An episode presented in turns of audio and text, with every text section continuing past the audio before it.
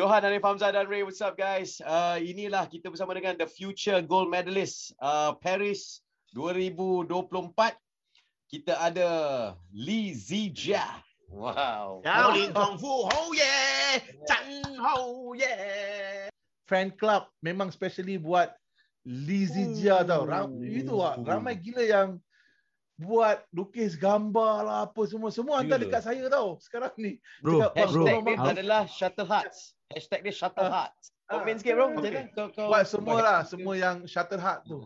after the day saya kalah, saya bangun tu saya nampak banyak mesej saya pun terkejut kenapa ada banyak mesej sangat dan ada banyak memang yang sokong saya sebab selama ini once kita kalah saya saya rasa memang kena first me- memang kena kutuk ni kutuk kau-kau ni so memang saya saya Saya tak sangka.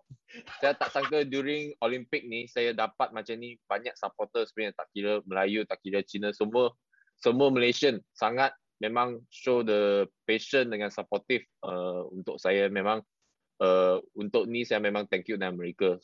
Uh, Zija, kami uh, yakin dan kami uh, nak pengesahan daripada Zija. Zija dah single sejak tahun 2014.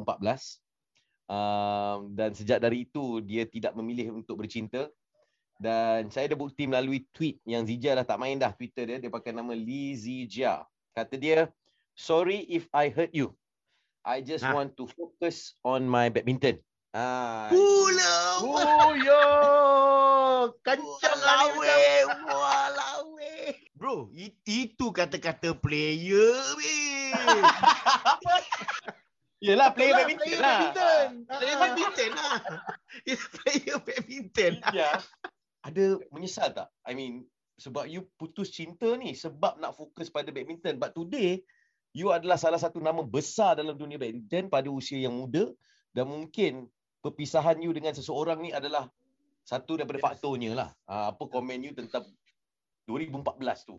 saya rasa masa tu memang mungkin ada yang mungkin perempuan yang suka saya then tapi dia macam dia dia try lah then tapi Eh. masa tu memang memang first saya rasa parents saya dari dulu masa saya kecil mereka sangat uh, sangat tight sangat uh, Hmm, serious dengan saya sangat straight dengan saya so memang dari kecil saya sudah ada satu fikiran bahawa masa kecil tak boleh macam ada cinta-cinta macam ni lah kan uh, memang masa tu saya terus saya straight reject dia mungkin saya cakap saya nak fokus badminton lah sorry lah macam ni Okey.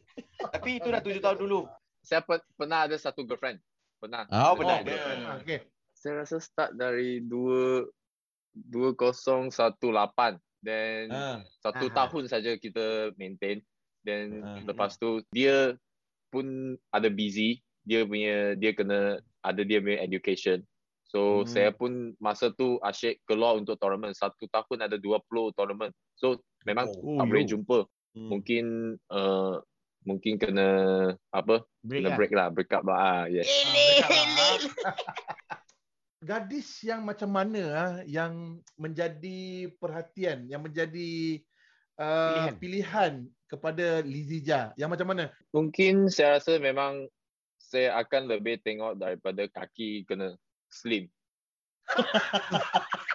Mungkin second saya akan tengok uh, rambut rambut panjang saya prefer then lepas tu uh, mungkin muka saya saya lebih suka mungkin perempuan yang ada mata dia besar. An, cuba ikat kau punya getah tu.